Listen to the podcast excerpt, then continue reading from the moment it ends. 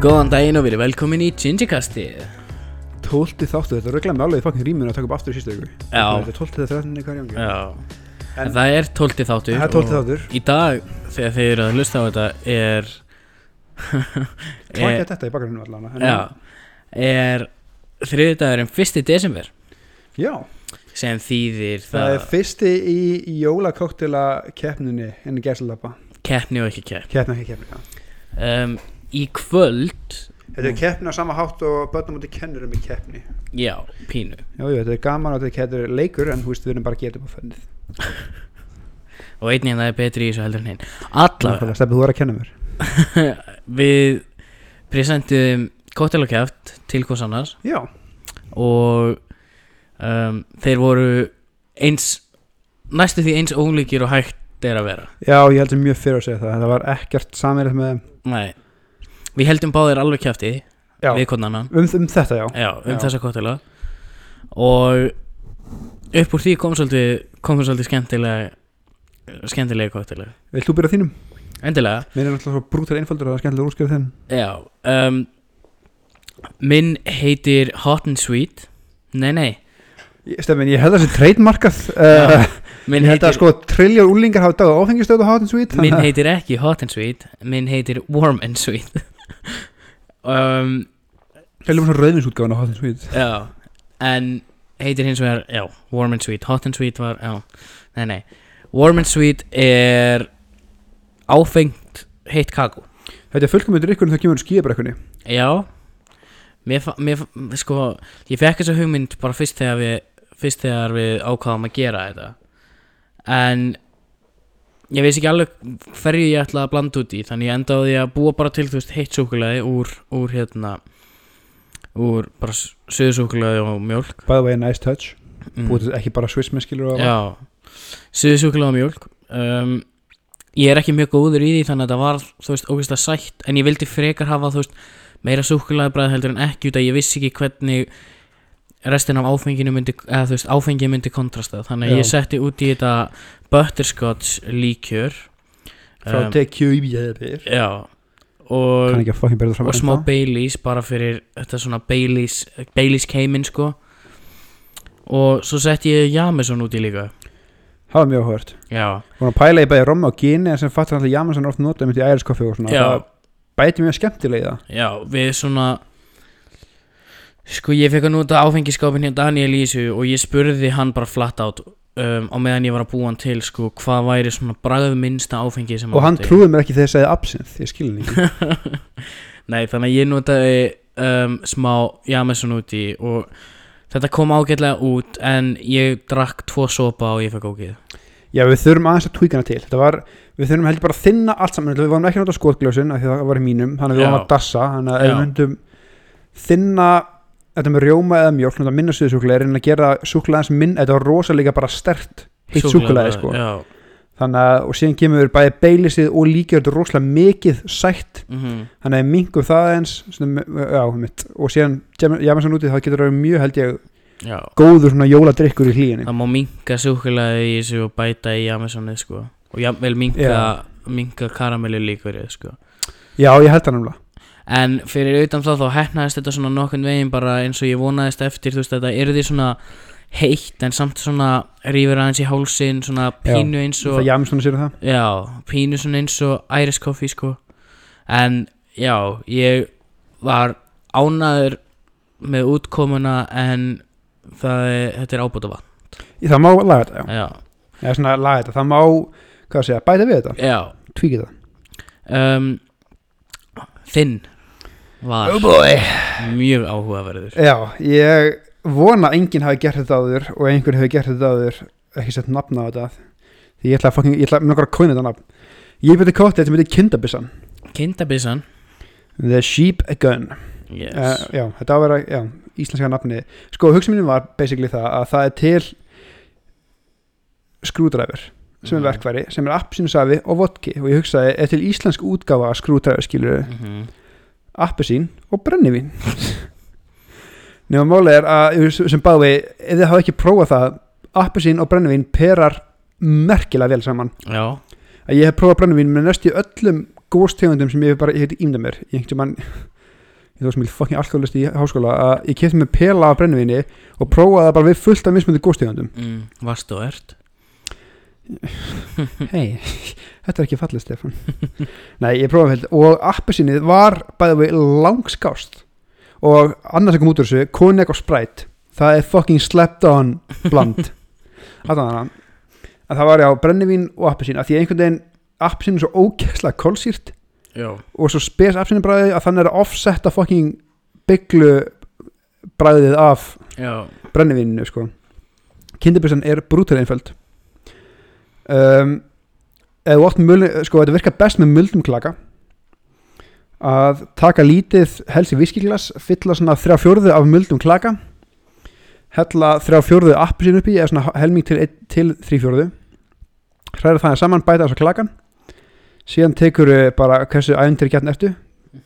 Eitt, eða hálft eitt eða tvö skot af brennivíni hellir út í hrærir og drekkur og fyrir fullu upplöfunina þá myndi ég kaupa mér lakrísrör til þess að um, klifaði tvent nota það til að hræra og sjúa allan drikkin upp í einu í gegnum lakrísrörið Já.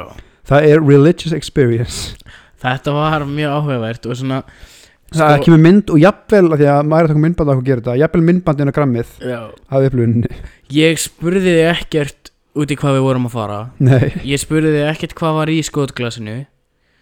Um, Þannig að það var pínu sjokk að þetta hafi verið brennivín. Já. En, en þetta, var, þetta var mjög skemmtilegt. Það var bara rón, sko ég keldi brennivinni í fristinu bara því að kallt brennivinni er mikið skára en hlandvolt mm. var rónalega leiðin til að geima brennivinn setja það í svona Tupperware, lítinn Tupperware container.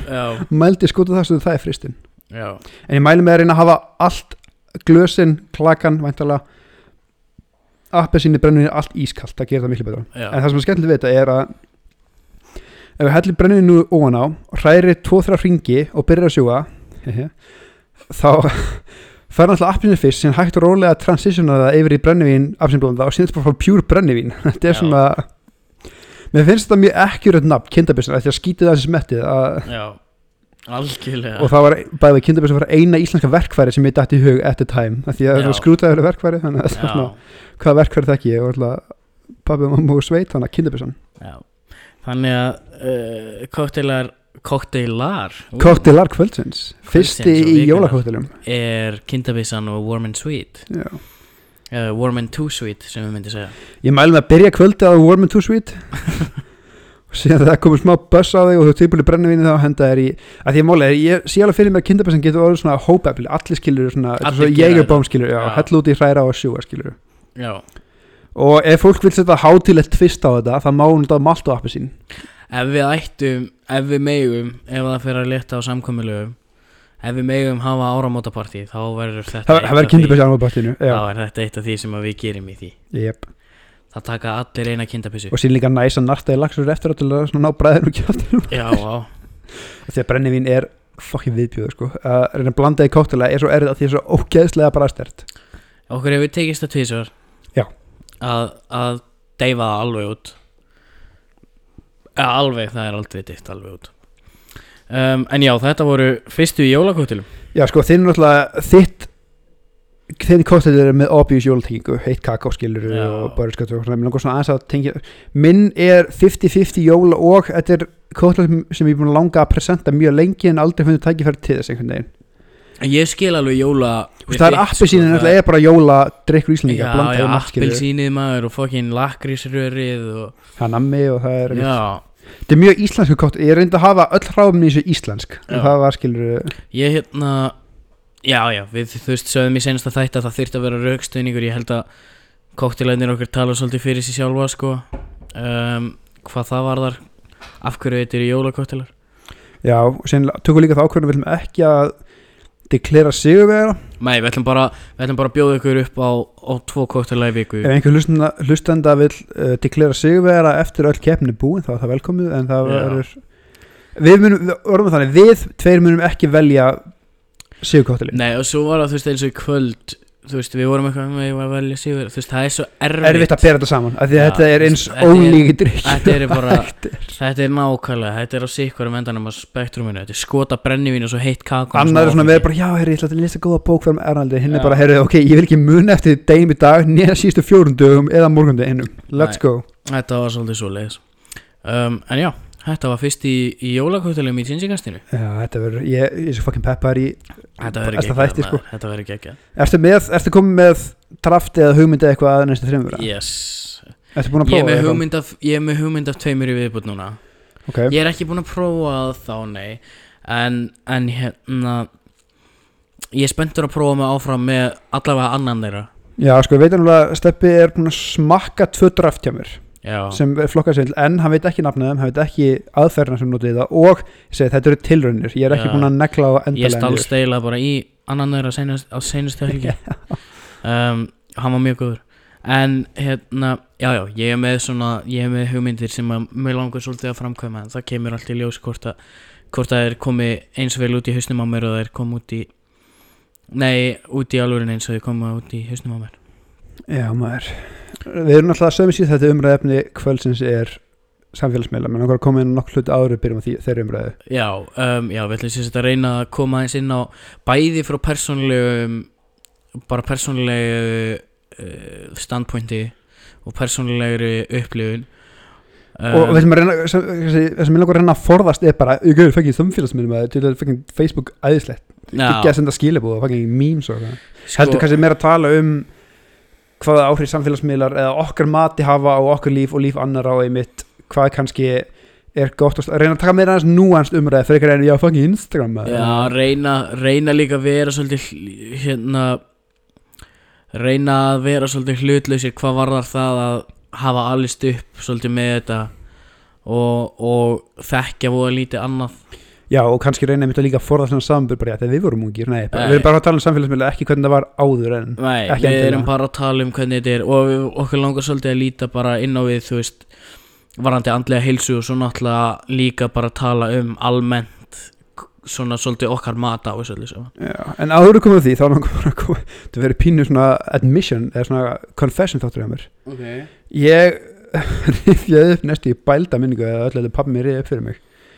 þegar ég var held ég, mann ekki að vera 11 eða 12 ára þá leik ég í sjómasölningu fyrir lifandi vísindi. Já, ég vissi að því. Ég var maður að gleyma því, bro. Ég, að ég var yngsti eða eitthvað, búin að vera lengst áskrifandi svona ungur eða eitthvað að lifandi vísindi skilur oh, kemur við svo ekki óvart. Ég er svolítið meira áttið með því núna hægt og rólega að alheimurinn bara set me up to fucking fail. Að það var Nei, nei, Ég meina, er einhver kringum hissa ég á hreitnins lengi að það var ekki ég Nei, gauður, ok, förum yfir Ég er rauðförur, True, ég er örfendur. Skelvilegt Ég er blindar en fucking sækýr. Ég er með skilur mínus held ég fimm eða eitthvað En það með linsur hverjum degi. Já, Ég átt að fá spángir já. Og ég átabli sagði nei Við fucking talanum minn. Af því ég ætlaði ekki að vera gæðin í grunnskóla Sem var rauðförur með spángir og fucking gleru Sko, þú er Já, gott, gott val. Lífið var fucking nú glata Gott fyrir. val Gott val Og lék í auðl Þetta var bara Var til meira punching bag fyrir alheimin að e, Nei, Ég held nefnilega ekki, þetta er bara, ég fekk alltaf mótum með einhvern veginn. Ekki alveg. Nei, ég segi allt þetta micro Ég kalli þetta svona Þetta eru micro disabilities bara. Já, micro, nákvæmlega, þessi micro andfóréttindi gegn Mhm. mér, skil, ég fekk alltaf mótum mér sem hefur engin áhrif á mig Já. Já Já, pretty fucking much. Það var svona, já, alveg eftir, ég var fucking Þur, Ah. Þurftir að fara í gegnum eitthvað áhærindapröfu ferli Nei, mér var bara búið þetta. Ég, Já, ok. ég er náttúrulega svona natural born fucking talent Ég, það, ég mæti ekki áhrif pröfu, sko. Jesus. Ég, er bara, ég fæ símtali, ég fæ hlutverkið. Já, já. En sko, málega, ég var, ég var í andurs í þessu auðlýsingu í kannski fjóra segundur og se- mann línum mér var eitthvað þetta er langt skemmtilegt að bláða Íslandi eitthvað, ég man ekki nákvæmlega, já, nákvæmlega ég er 11 ára, hvað önnur blöð Tótin gamin er blöð, hvað fucking önnur blöð hef ég lesið bara, nei, sko, ég fíla að Vogue magazine betur, sko, það er svona betur reytrindar greinar og Ég meina, ég, ég, ég elska að lesa lifandi vísindi. Eða lesa, skoða myndinar ég höfust, en ég segi það, ég var í þessu auðlýsingu í kannski 34 segundur með þessu einu línu, mm. bró, ég var í 5 klukkutíma á setti að taka þetta upp, sko. Já, ok, ég Ég farið í nokkrar áhörndapröfur uh, bæði, bæði Ísland ég ég bæ, bæði Ísland og talent og, og bara venjulegar áhörndapröfur þú veist fyrir leikrit og fleira sko. Og hérna þetta er fokkir ömulegu prósess maður. Ég, ég hef aldrei gert það en veist ég trúi því alveg því að bara, bara vera sett í ég sagði sömu línu svona 12 100 fokkar sinnum fyrir um einhverja ógæðlega heita lampa og þú veist afsaki að vera fyrir framar tökulegt, þetta er langskættilega blæði heimi ok, flott, kannski uh, færi skóltöskuna hans ofar á þig. Þetta er langskættilega blæði heimi ok, heru, Jóhanna getur laga lampana ok, takk töskuna þér. Þetta er langskættilega blæði heimi Þú veist, þetta var að krakki bara Já. fokkin sirkustýr þarna. svo maður að velta sem fyrir var maður þarna í þrjár sekundu bara glimps, bara Já, langskættilega blæði heimi og næsti þú veist svo er fólk að velta fyrir sér akkur þú veist, barnastjörnur verða fokkin snar geðveikar á eldri árum. Ég vil minna að þessi fræð hef ekki gengið mitt höfus en uh, ég, ætla, ég er svo útrúlega gramdæka nei, ég ætla bara líka í bekkjum mínu hvernig og það eru ónefndir aðla sem þeir vita hverju þeir eru að hlusta á þetta kvöldaði með skátan. Þú varst sem ég fannst ekkert fyndið eftir time en lín tilbaka, gaur, já þetta þú, var, þú varst svona skáti. Ég var mest að skáta típa í heiminum. Ég var, ég var, ég var skátin á þess að hafa nokkur, nokkur skonar gaglega hæfni eða vitnisku Ah, kannt ekki að kveikja eld og kannt ekki að nýta hnúta. En ég veit hvernig píramidar eru byggður, ég vissi það þá á, fucking- geimverurnar byggðu þá maður. engin fokkin furða mig gekk eins vel nei, gekk eins illa í bara dating. Gauðir það hefur einhver gert eitthvað Oh. research á því og fundið þessu auglýsingu? Bara nei. Það var fokkin, það var ég var bara eins og svona keilupinnar og alveg bara hendi beint í fellu nema einmitt ein keila stóð eftir og vakkaði þess að síðan stóð. Og það er, það er ég í dag. Já já, til hann ekki með það. Hérna, fyrst við erum að játa allt þá er ég algjör auðli. Já, við, það er alltaf sem hlusta það vita það ég. já, ég veit, en ég mitti mig í vinnunni í dag. Ég datt. Ég datt tvisar í vinnunni í dag. Guð, Ertu fimm ára það? Gauðir, Ég, ég datt á mitti með þig. Nei, ég, fyrra skipti mitti ég mig ekki en það var meira svona fimmara ég misti bara jafnvæg á datt Ég var, ég var leika með Lego til það er Batman ég, og ég datt ég var bara aðeins að skrifa og, og datt Ég er ekki einu svona grínast þér Ég þurfti að beigja mig niður til að skrifa og ég var bara ekki með jafnvægi og datt Og hérna, nei og í setna skipti virkilega meiti ég mig. Og Það er samt ég fokkin rann og datt sko, datt sko fram fyrir mig Ég, Ok, ég ætla bara að segja það að þetta fram fyrir sig er svo mikið verra en þetta áttu fyrir sig. Gaur, ég veit að af því að þú getur bjargað þú dettur aftur fyrir svona að seifa svona dettur hendur bara wow, ef þetta er framfyrir þá lúkar Gaur, ég veit það og líka bara út af því að fokkin aðstofum líka bara út af því að sko hendi mín var eiginlega föst.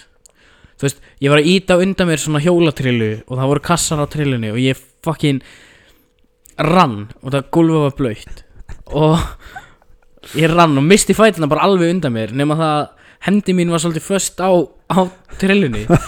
Trillan skauðst áfram og hendi mín fóð með þannig að ég er að drefast í öxlinni og svo bara datt ég killi flatur á maðan. Engin kúli að þetta fram fyrir sig. Nei, þú lúkar alltaf eins og bara að skotur að færi. Og hérna ég líka tók tvær sekundur til umhugsunar þegar ég láð þarna á blöytu gólfinu en, en uh, já, mér tókst það virkilega með mig í dag. Já. já, við vorum aðeins að tala um þetta núna fyrir þáttum bara hvað fyndi hvað við báðu svona með bara læknheimstaknum við erum svo miklu svona kallum bara nei, þetta er alltaf Við- ég hægt að mér, þetta er ekki mál já, og sko við erum að toxic masculinity að sjálfu okkur. Út af því að þú veist, við erum alltaf eitthvað svona að það er ekkert að maður, ég þarf ekki að fara til bara því ég er núna með tána mína, ég er bara að neita að það þurfa að gera eitthvað, þetta er ekki að slemt og síast ég held þessi bæ- svona, kannski blanda af toxic masculinity og líka bara það að þegar, eins og þú sagðir aðan, þegar þau eru upplega eitthvað sem mikið verra mm, og með við það, bara nei, það er ekkert að mér. Bara gauður, þú veist, þó var skotin þá var hann spítala, þú var skorna púl skilur já, ég held sko að líka hjá mér er þetta pínu bara þrjóska að þú veist vera að klára verkefni og klára það sem ég er að gera og vera ekki þú veist að skilja annað fólk eftir í ríkinu bara út af því að mér tókst að fokkin renna og, og slíta mér aukslina en þú veist þegar maður þú veist eins og með mig að, að hafa upplifað að sko bæði náttúrulega rústaði með bakinu í, í réttstöðlifti og þegar ég lendi í bílslýsinu þú veist eftir að hafa upplifað svona eiginlega bara deyfandi sársöka þá er ég alltaf svona ah fuck þetta er vant en þetta er allavega ekki, það ég, þarf, ég, ég er þessi típa, ég þarf alltaf að réttlega fyrir mér læknisheimsóknir ég, ég get ekki farið bara, æ, ég, er sko skrítin að það sem með minni, ég ætla að Mm. kíkja svo lækn nei, gaur, það er, ég var nógu slæmið fyrir COVID núna, í COVID bara, ég ætla ekki að setja mína auka byrði á lækna fucking stjettuna af því að ég haldra í vinnuna ég þarf að vera sko ég þarf að vera óvinnufær.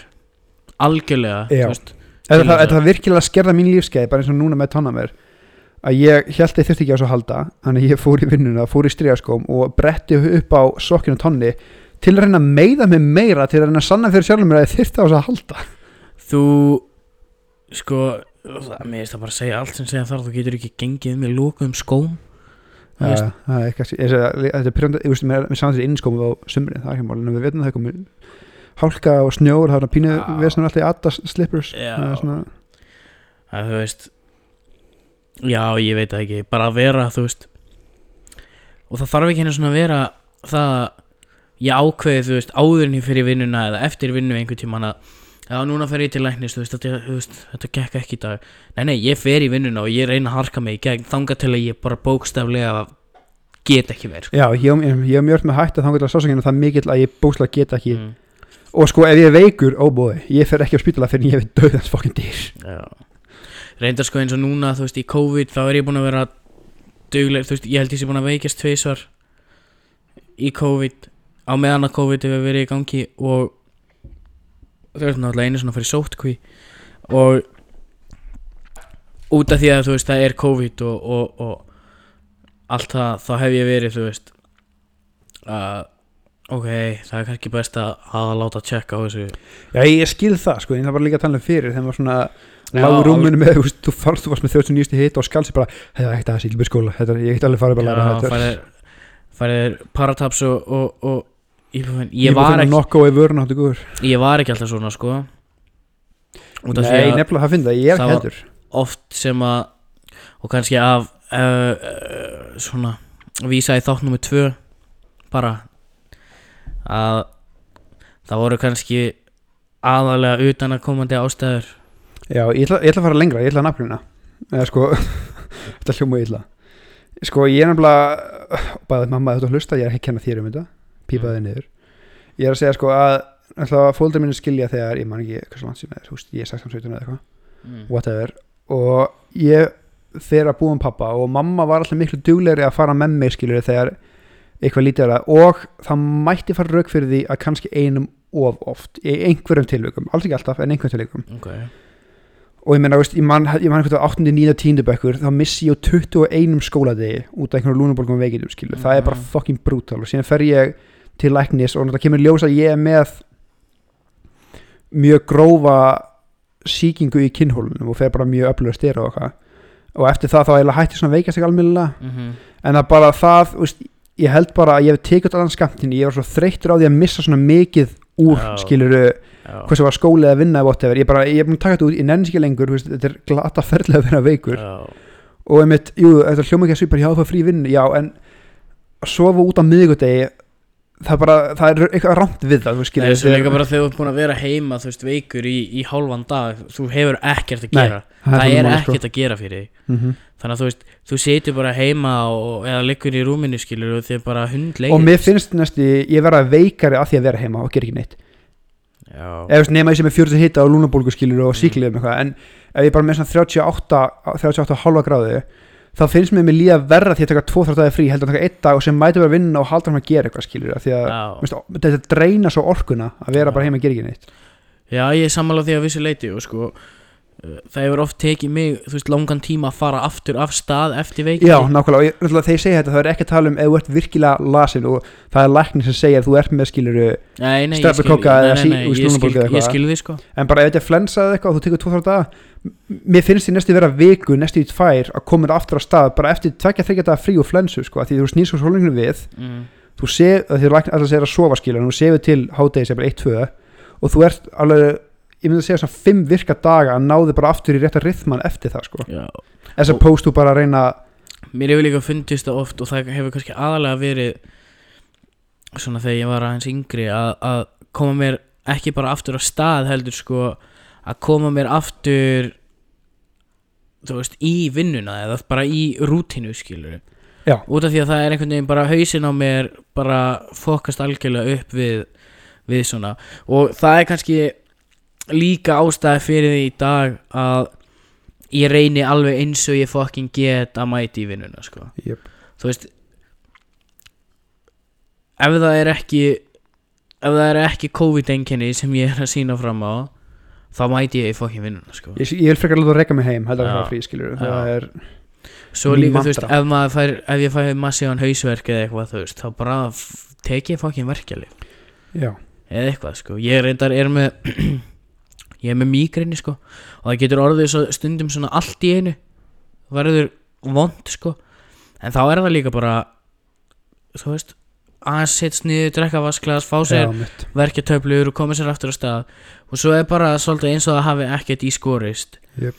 en mér finnst stundum vera að fýta veikinir með því að leifa sér að vera heima já, þegar ég, sko. þegar ég þú veist, var yngri þá hefði ég definitely, þú veist farið heim eða Já. eitthvað skilur þannig að þú veist, en líka bara, ef við tökum andlega veist, mér líður líka oft bara verra andlega eftir náttúrulega heima að gera ekki neitt skilur sammála því mér finnst þú Þetta er næstu í kvíði að byrja aftur af því Já. að það er svona comfortable heima skilur comfortable, Já. þetta er svona næstu í kvíðavaldandi Já. að stoppa ég er alveg sammála því og ekki bara kvíðavaldandi upp á það að gera þú veist, koma þér aftur í þú veist, daglega rútínu og aftur í vinnu og aftur, í, þú veist, aftur að vera aktiv heldur sko að uh, mér hefur oft fundist að sko að feysa fólkið í vinnunni skilur bara eitthvað og þú veist, ég veit að það er ekki svo leiðis en Það hausinn á mér en sko. á mér en hausinn á mér segir mér skilur og þau eru öll bara eitthvað "Ö, fokkin, auðmikið þetta maður mætti ekki og vinna. sem náttúrulega er á reynurleikin þau bara, já, varstu veikur, ok, næs, ég byrjaði það skilur, Já, það- drullu já, saman. það er öllum fokkin skýt og líka jafnvel hináttunni skilja og spyr bara, herri, sem ég líki vel skilja, ég fara heim, er bara, já, drullar heima, við erum Mm. með það.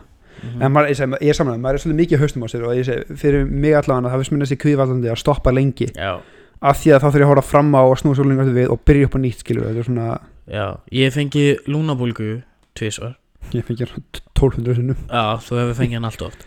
Um, tandum að vera gallaður en, Já. þannig, já. þannig að þú veist ég þekkit, ég fekk líka svínaflensuna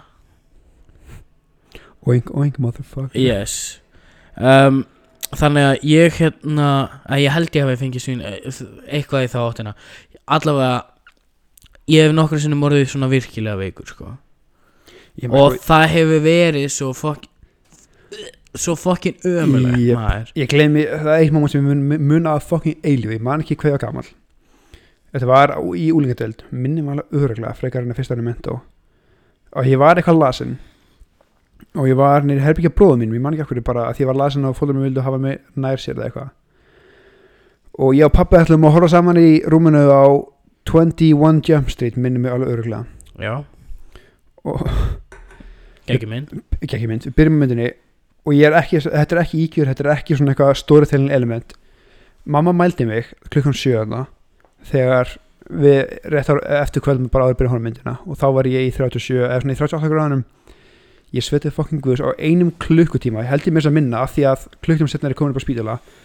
Á svona kannski hálftíma 40 myndum þá rík ég upp í 40 stig heita. Já, og ég man bara þetta tilfinningunni að því ég er náttúrulega þetta byrja, þetta, úst, þegar maður developar og gerast þetta oft yfir mjög náttúrulega tíma eða daga að rjúka svona upp. Ég man bara, ég byrja að skjálfa eins og fucking hrísla í sko snjóstormi og mér svo illa og ég, svona, ég fekk svona tunnel vision og allt var einhvern veginn ekki blörrað og ég bara gata ekki einbæð með mynd, ég man bara eftir myndinni eins og gerist í bakgrunnum, bara ég var bara að halda í með lífinu. Ég, ég hef upplifað þetta og þá voru þeim bara, heyrðu, ætti ekki að fara með hana á spítala? Og ég man, þetta var pínus að vera blind fullur. Ég man bara, ég var næst í blackout á leiðinni. Ég man bara fyrir að setja á barnaspílar hringsins eitthvað í móttökunni bara eitthvað, ef var samt upp vinnur og ég bara, já maður, hvað þurfa að fara? Og þá er ég komið með streptakóka ofan í lungun á mér já. sem ég veit ekki hvernig er hægt en apparently er það hægt. Ég hef lendi í þessu líka og mamma hefur oft sagt mér sögur af því og pappi líka að þegar ég fengi svona rosalega mikinn hita þá verði ég klikkaður í hausnum sko. Þetta að heilin er að fangja bóln upp skilu en það er svo ógæst að fónt að fá svona mikið. Það er svo óþægilegt og sko ég pappi sagði mér sögu af því einhvern tímann þegar ég var með svona mikinn hita að veist, ég var alltaf að koma fram og eitthvað og og bara var að bulla bara eitthvað. Já, svo fókin satt ég í rúminu mínu og fór að rífast í sjálf með eitthvað kýldi sjálf mig í smetti.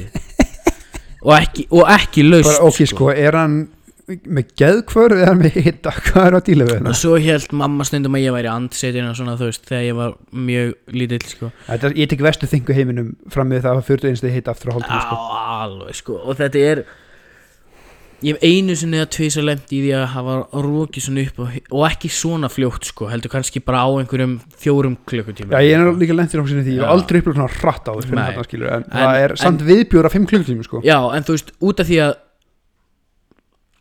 eina mínútuna ertu bara að finnst manni sko.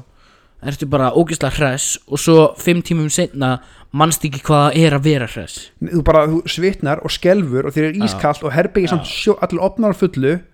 Klukkunni loka, þetta er al, já. ah, en þessi þáttur er, heitir ekki sjúkrasögur þannig kannski Nei. að, Nei, en við erum bara svo miklu fokkin sjúklingar að það var áhugaður þáttur sjúklingar og ekki sjúklingar uh, Við veist höfum verið, já, true. En við höfum samt svona samt sem áður að vissu leiti verið mjög hefnir með, með Já, er- líkamlega já. miklu leiti fyrir utan þú veist einhver heimskupör eins og hjá mér að- rústa með bakinu í deadlifti eða ég segi að þegar ég sneri lærbeini mitt í tvent þegar ég var nýjum mánuða gamall en það er saga fyrir annan þátt. Sko núna upp í vikunni byrjaði að snjóa svolítið brútali.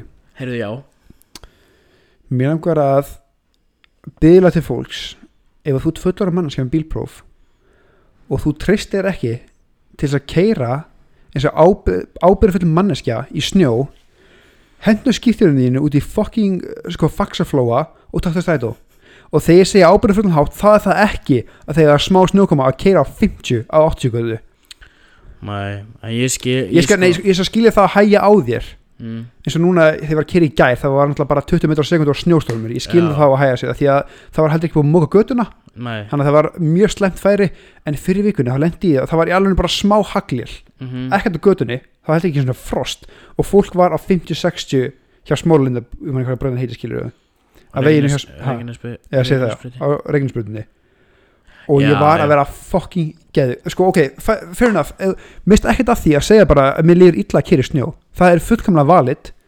Þá ætti bara að vera snjóréttindi á veitunar að þú, að þú bara hægt að taka próf til að mega keira í erfiðum aðstæðum. Af því að, að því þú er trættur þá ætti ekki að fucking hæja minni.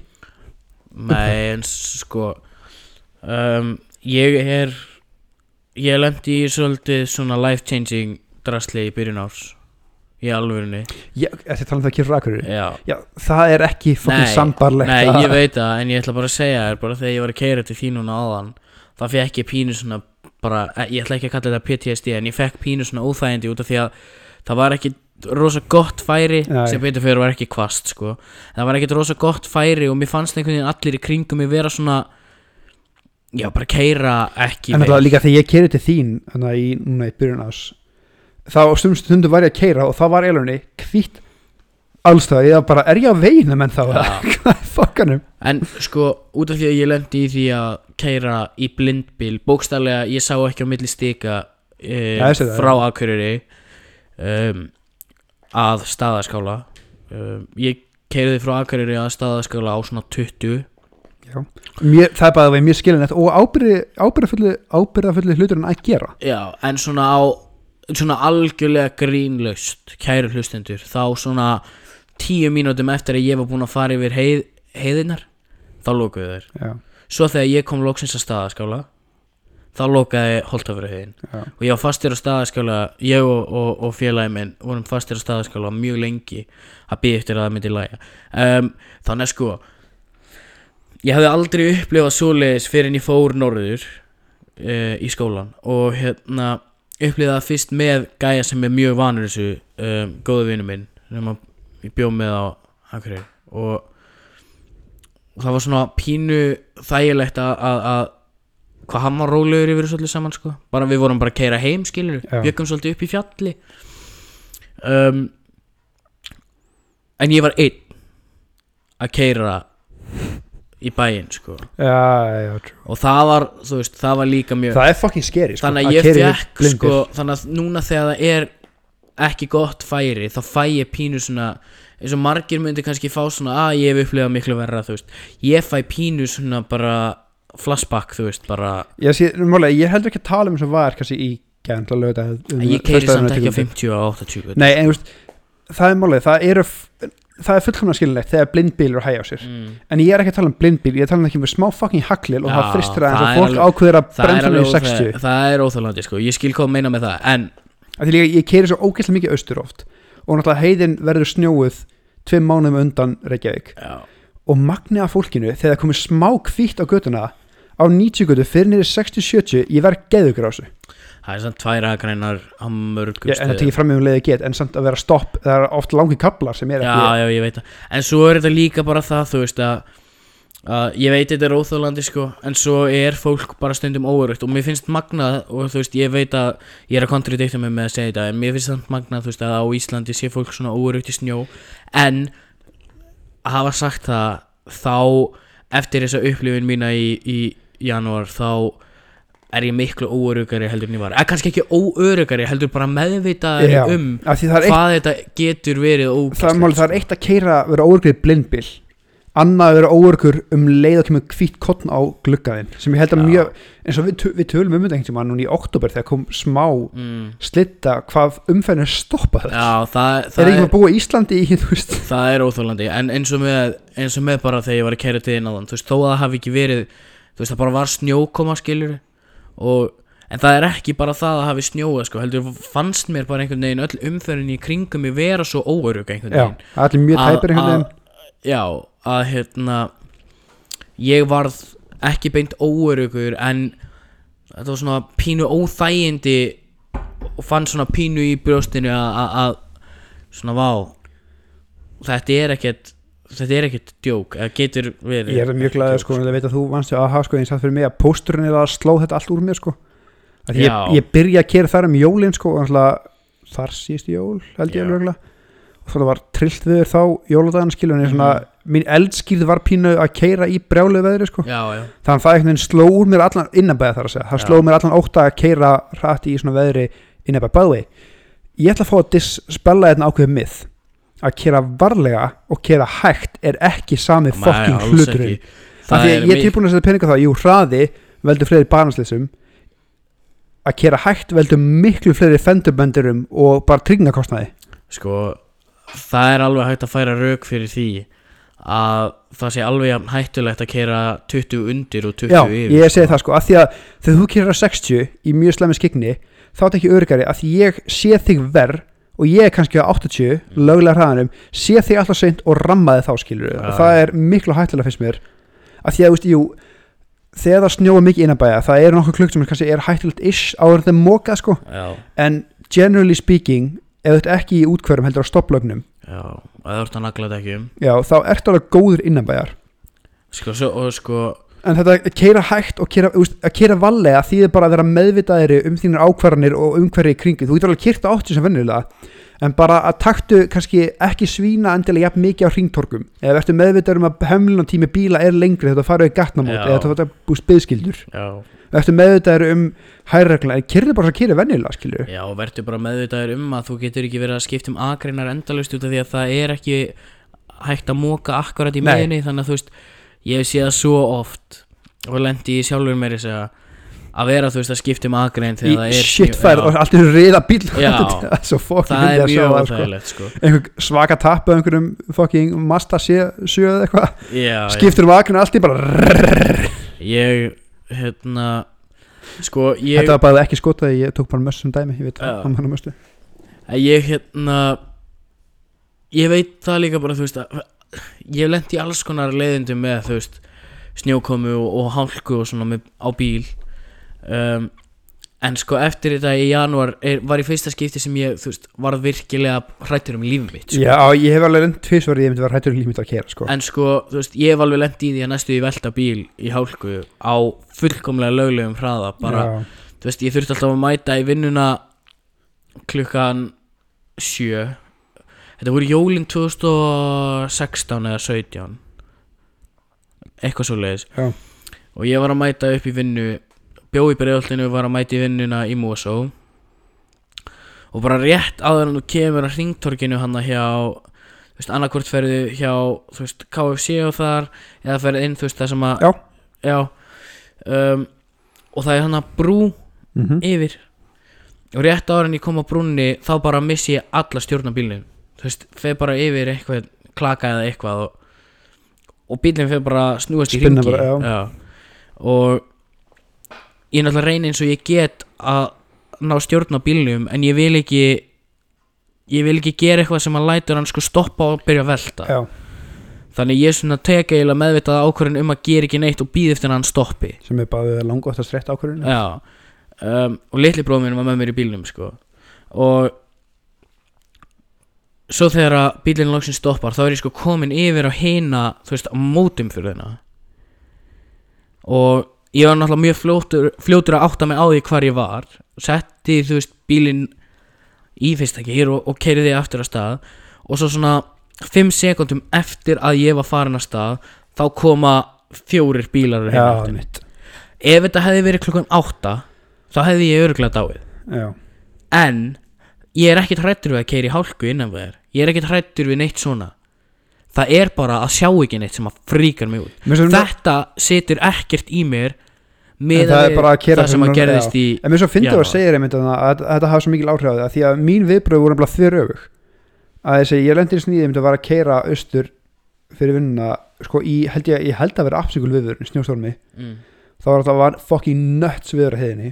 Ég var með síðustu bílun sem komst yfir á það heiðin lokaði og ég segi aftur, það sátt ekki millistika og ég einmitt hitta svona black eyes og bílinn riðar allur skil, ég spinna ekki en hann riðar allur og ég sé ekki hvar vegurinn er neitt, ég er bara svona ok, ég er að fara að fucking deyja hérna, ok. Nice, herru, ég verð nummer 6 á skiltinu þetta á heiðinni. Já, En síðan bara næ ég réttan af Og ég hugsa bara, ok, svalt. Og alltaf eftir það hefur bara svona Þegar ég er í slæmur aðstöð Það er samt bara, ég er ekki að heiðinni mm. Þetta er alltaf svona point of reference fyrir mig sko. ég sko, ég held einmitt að ég myndi taka það út Og verð verð þessi típisk kallmaður eins og þegar að keira með Marja Þegar Marja er mjög illa við að keira í slæmur aðstöðum já, Það er alltaf bara, blessu verður, þetta er ekki neitt maður. Nei, ég skilði þig sko. Og sen inn í mér er bara svitni í bara, fuck, fuck, fuck, fuck. Ég, ég held einmitt að ég myndi taka þetta út úr þessari, þessari upplifun. En ég tók það út úr henni að einmitt Ég veit hversu slæmt þetta getur orðið. Eh, Ég veit ekki hvað það er, þetta bara situr þvílíkt í mér, það er líka sko. fullkomlega skil þetta, þetta, þetta, að maður segja skelkar eftir þetta. Og sko, ég man líka bara eftir spennu fallinu Þegar ég loksins komst á fokkin Já, ég get alveg trúið því. Ég held kannski að því ég er náttúrulega alveg í hestamennsku sko, að ég, mér var kjent bara frá Já, að það dettur á baki það verður upp á hestin sko. já, já, algjörlega. Og ég, þú veist Félagi minn kerði á undan mér sko, Hann var á miklu verri bíl heldur en ég. Ég veit ekki hvernig óskupunum hann komst yfir heiðina Bara frábær bílstjóri greinilega. Og við skildum hans bíl eftir um, Á staðaskala og hann tristi sér ekki.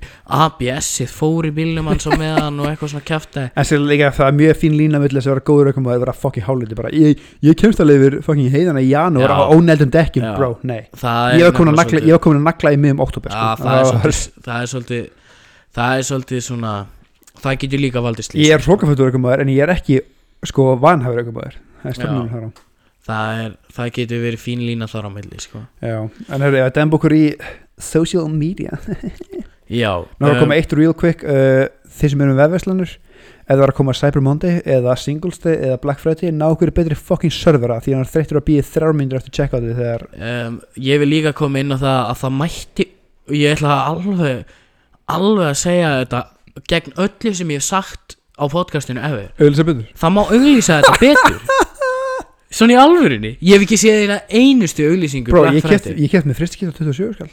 Það Vel gert. bargain. Þú veist, auðvitað veit maður að það er Black Friday í Elko, skilur og maður veit að það er Black Friday hér og þar. En þú veist, þetta hefur örgulega farið fram hjá mjög mörgum að fór allavega fram hjá mér út að ég tók ekkert eftir Ég það reyndar að vera alveg Auglýsingu. hugskinn þetta Ég tók ekki eftir heldur að Ég beða að býja manneskju sem tekur eftir öllu saman. Já, Og þar true, leiðandi true, true. En að liða með hvern manni er að þú vist af öllum verslunadögum Hei, Það- uh, það var hérna Ég held að þetta stemmi pínu frá því að ég er ekkert á Facebook. Það er bara, þetta var geggja segvi Það er Nei, eftir það Nei, en ég held að það sé alvörinni ástæðan fyrir því að ég misti af svona mikið auglýsingum var af því að ég er ekkert ég nota Facebook ekki neitt. Mér er einhver að byrja samfélagsumræðin okkar mm á einu confessioni fyrst við erum með svona confession down nitty gritty. Ég vissi ekki hvað don't at me þýtti Jésús fyrir mjög nýlega þegar ég fattaði þegar ég segi don't at me er að meina á Twitter að ekki atta atta mannskinu profil á Ekki- beina því ekki, Að manneskjunni. ekki taka mig. Já, ég hef alveg fatt að það kannski fyrir svona þreim vikum. Jésús Jésús Þetta er- þetta er- þetta er geggja kvot en eitthvað, sko, ertu múin að fylgjast með ég, ætla, ég er ekki, ég múin að segja það, ég er ekki að TikTok. Mæ en ertu múin að heyra þessari umræði með, að því að mér er svo skemmtilega að því að við höfum talað um nýja stundaskrána mm og það er ákveðin pía á TikTok sem er með mikið myndböndum um það. Já, hún lendi í smá hot mér að það lita bróða mínu sem er mjög virkur í þessu. Sko áður en þú segir þetta Ég hef ekki opnað TikTok appi í símanum Ég er mínum í svona- 8 mánuði eða ég downloadaði TikTok og þú veist Ég og, og strákanir í skólanum eh, Ekki allir en Ég og allavega einn annar vorum að leika okkur að fylgjast með einhverjum TikTok svona fyrir norðan og svona og, og eitthvað fyrir það. Um, síðan ég kom heima norðan þá hef ég bara ekkert opnað TikTok. Ég já, Og- sorry, já. og hérna finn ekki þörfina fyrir því. Ég einhvern veginn svona mér er bara dröllu sama einhvern veginn. En alltaf ég, hann sagði mér bara frá sér bróða minn sko, Já. og ég hef ekki séð myndböndu frá henni þannig að ég ætla ekki að staða eitt eða neitt. En eftir því sem ég heyrði þá var þetta eitthvað skilur að útskýra akkur kill all men væri óksla fyndin brandari og kill all women væri algjörð hatur sem bæði vegi er hrestin sjálfur sér með við orðræðina sem við verðum um feimnust umræðina að brandari er aldrei fyndin, það skilur ekki máli hvað það meinar. En það er önnur umræða, alla hana já, en það var líka eitthvað, hún hefði vist gert eitthvað grín eða lítið lækkað vandamál kalla skilur og sjálf, sjálfsvístíðinni ungra kallmanna og gert lítið því sem er fucking bananas og eitthvað svona. En uppáldið mitt er svona sko þetta tengist inn í það, ég elska þegar svona progressive samfélagsmiðlar hvað sem það er feministar eða eitthvað, það er TikTok-grúpa eða hvað þetta sé TikTok-grúpa, jésús ég er svo gaman kall bara TikTok síða eða úst, Instagram eða eitthvað. Setja eitthvað wild shit inn á. Mm. var að ganga kallmenni, bara allir fokkin kallmenni svín og þeir eru skotnir að færi. Og síðan alltaf fá backlassið og eru síðan bara eitthvað vákvæðu overreactið strákar. Hvað, kunni ekki að taka brandara eða? Mm. síðan fyrir Reyni Bergmann í podcast og segir að einhver sem fær ekki limin sinn er eitthvað rauður eru vegan feimistu ég er ég að heyra það? Mm. og önnu hver, annar hver kvennmár í Íslandi missi legvatni á fokking staðnu við að heyra þetta þetta er svona, "Ah, ok, heyrðu, ef við tala um doppel standard þetta Um, sko hvorugt þetta á rétt á sér? Ég, ég veit það, en minnst bara þessi, þetta ég skil, bara ég skil, kom, ég skil hvað þú meinar sko en, en, en hérna Steppi, takk bara brandar þetta, er bara auðvitað bara mér var bæta það, ertu mér þú- hlust að viðtal við það? Nei, ekki heldur nefnilega, því að en mér finnst bara festning, af því að hann segir eitthvað að einmitt rauðþóri vegan feministi fær ekki minn lim. Já. Og einmitt alla stelpur trýta eins og þessu árás eða allan sem ég hef trýta þessu árás á alla konur. Ef einhver stelpa hefði sagt einhver kjöta það fer ekki í píkanu mína alla stelpur hefur bara, já, you go girl skilur þú ert flott, ah, ég veit það nú ekki. Ég ertu viss? Já, út af wet því að ass pussy.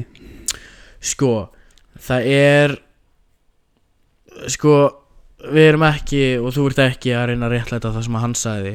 Okay, þú ert bara að hvað er benda það rétt á þú ert að benda, ég er að segja að þú ert ekki að gera það. Ég er að segja að þú ert að benda á hræstnina já, ég benda það algjörlega, já, já, en það er sko, hvort þetta á rétt á sér en ég vil eiginlega ekki tjá mig um þetta TikTok mál út af því að ég hef ekki séð neitt af Nei, þessu segi, ég, nema líka, ég, það sem ég, er að paraphrasa og ég er svona sem ég hef heyrt. Já, ég hef ekki séð neitt af þessu ég hef ekki heyrt neitt af þessu nema það sem að Kjartan sagði þér. Já, og hérna en ef svo er að, að, að þetta sé raunin þá náttúrulega, þá náttúrulega þarf þessi manneskja að taka sér svolítið á hún er búin að byrja stafsökunar hún má já, lega já, það. ok. Og mér bara sann sko, ég vona bara innilega það sem hún var að segja endur spekli ekki svona skoðanir á markmið feministumur á Íslandi, ég held að gera það ekki. Náttúrulega gerir það ekki. Veist, feminist uh, skilgreiningin á feminist eða manneski sem vil fá jafnrétti fyrir alla. Ef að þú ert, ef að þú ert farin út í það að vera vera hérna að lítilækka annað kynnið eða, eða eitthvað uh, á þann hátt þá ertu ekki feministi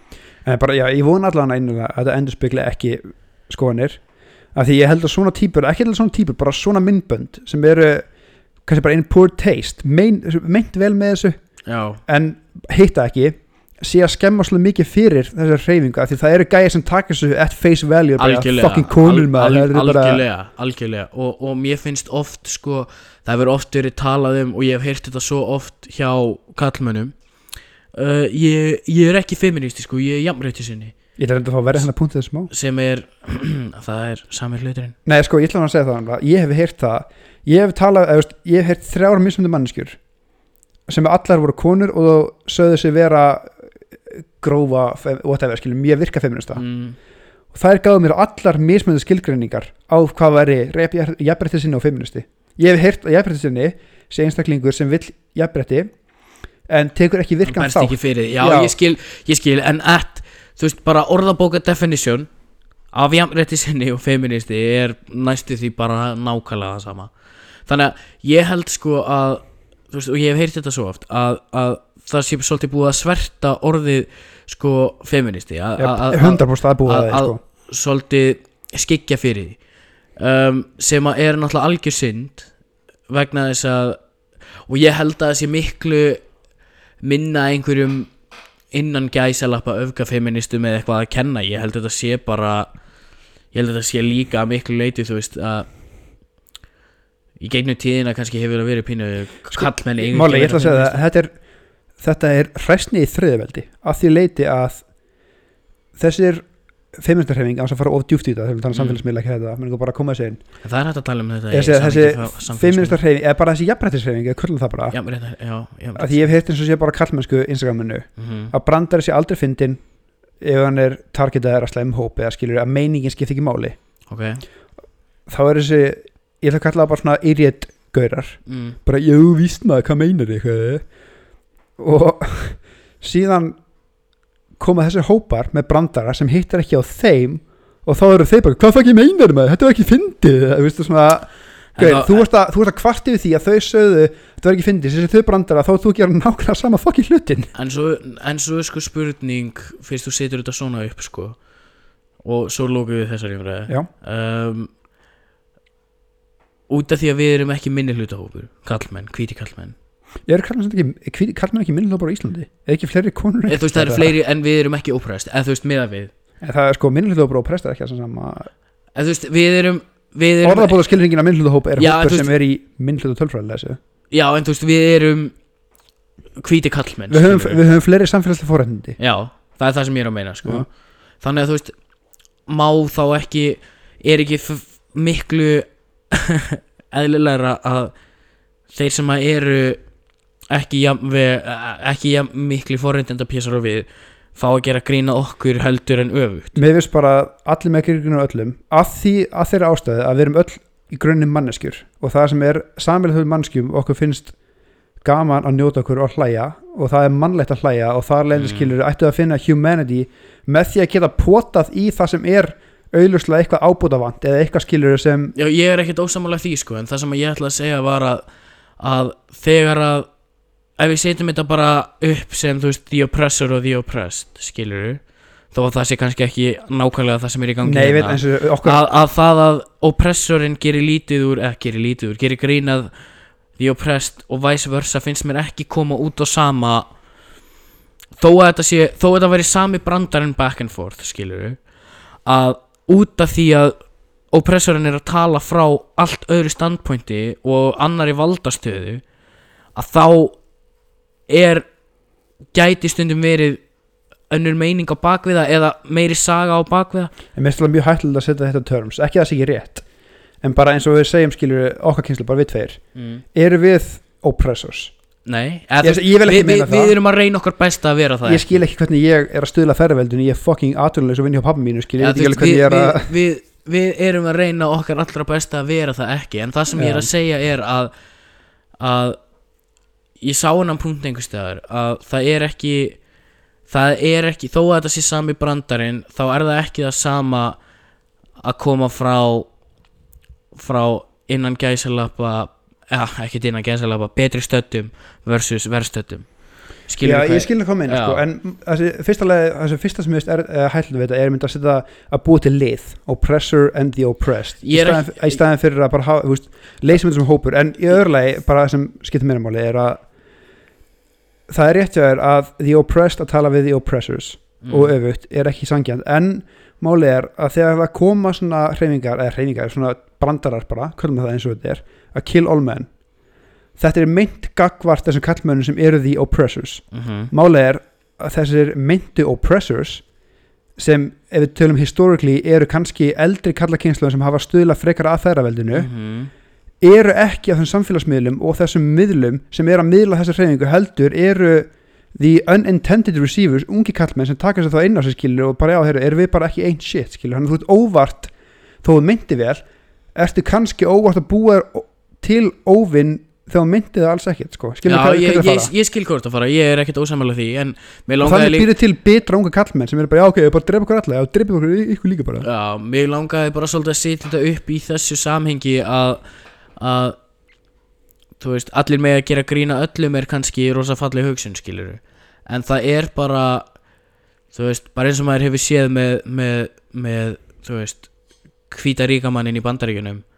Þú veist, það er ekki, hann getur ekki gert grína að svarta fólkinu. Hann getur eða, eða en kvennmönnum hann hann en- ætti ekki að gera veist, það það- er ekki það sem skipt mjög öllu og það sem pyrir við þetta er að það er sagt, ég hef oft heyrt sagt að meiningin, uh, intentions don't matter. Mm, mér finnst það skipta öllu máli af því að mér finnst, já, hvernig myndir þetta Já, en þú veist Hvernig getur þú tólka hvernig hann meinti Þessi, þar kemur partnerinn ekki, hvernig tólkar þetta og það er náttúrulega einskilsbundið Já, ég veit það, en, en svo kemur hann út og segir Ég meinti þetta svona Og þá er það annarkvort að taka það At face value mín, því. mín túlkun á intentions er ekki horfa orðin horfa á gjörðunar ef að gæi sem segist hata, ég það ekki tökum bara einhvern random ástrala mm, komið brandar hann segir að það er drepa alla ástrala mm, en síðan í raunveruleikanum hann segir á sviði, bara uppstandari, segir hann hattar ástrala síðan í raunveruleikanum þá er hann búin að donata skilur 2 miljónum til þess að halda við kórarifinu og hann er búin að donata til skilur uh, ástrali úst, að gjörðu, með skjörðir segja já, svo já, miklu ég- meira ég en orðin. af því að vice versa virka líka og segja bara já, ég er hjút stuðnismæði hvenna en síðan raunveruleikanum ert að fokka yfir svo mikið af Já, skilur ég skil algjörlega hvað meinar sko En, en ég vildi bara prófa að setja þetta svona upp sko. Já, úst, þetta, var, þetta var mitt counter argument þegar það intentions don't matter. Jú, hættum að horfa orðin og gjöra þetta Já, en þú veist, svo er bara gjörðir rosalega ekki og mjög ofta ekki til staðar sko. þannig að Já, þú veist, er, það er erfitt að, að finna intentions og svona í Já, mér finnst bara Bröndum. þegar þú segir intentions don't matter þá átt að strippa svo mikinn hluta af samskipta leiðum okkar af því að hluti af okkar samskiptum eru hvernig meinar eitthvað Já, já, algjörlega, en það kannski skiptir meira máli um, hvernig þú kemur að hlutunum þegar að þú ert að tala um minni hlutahóp Já, mér finnst bara meira til humanizing ég myndi að segja að skilur að banna ekki grína þessum af því að þeim finnst þetta ekki fyndið. Þetta eru manneski samt. Já, ég veit það, ég, veit, ég, er ekki að segja, að- ég er ekki að segja að, að, að þetta sé rétt, ég er bara að koma með punkt Já, sko. ég skilur, en ok. Ef við komum að aðalumræðefninu bara. Fucking TikTok maður. Ég ætla að segja það, ég hef shitaði TikTok mjög oft. Mm, uh, Það er aðalega því það fyndið já, finnst fyrir mér allana og það er gaman og það er auðvelt. Ég hef ekkert að móti þessu, móti þessu samskipta appi í sjálfum sér fyrir það staðir að það er í eigu kynverska fyrirtækja og það er lendi í eigu kynverska ríkisins og kynverska ríki getur gert hvað sem þið vilja við persónuupplýsingarna þínar en burt sér frá því, þessu Mm. gjörsanlega invasion of privacy að þú veist, mér veist ekki, ekkert að því að þegar úlingar og ungmenni eru á þessu, það er alltaf fullkomlega eðlilegt, við vorum með okkar útgáfi skilur eitthvað já. það sem stúrlega fyndið er að sjá mitt þrítut fólk unironically að setja einhverja svona uh, thought pieces og Já, reyna já. að hafa á svona gauðir, hvað er þetta já, já, farða Facebook og Ég skil hvað er þetta fucking gera? Um, Ef við tökum bara samfélagsmiðla Ef við tök, tölum bara svolítið general. Um, Finnst þér Og þetta er svona spurning sem ég tósa alveg út úr loftinu. Finnst þér Finnst þér þú hafa einhvern tímann verið reliant á á, á samfélagsmiðla? Í, já, já, já, já, Ok Að út frá samskiptum þá Já. já.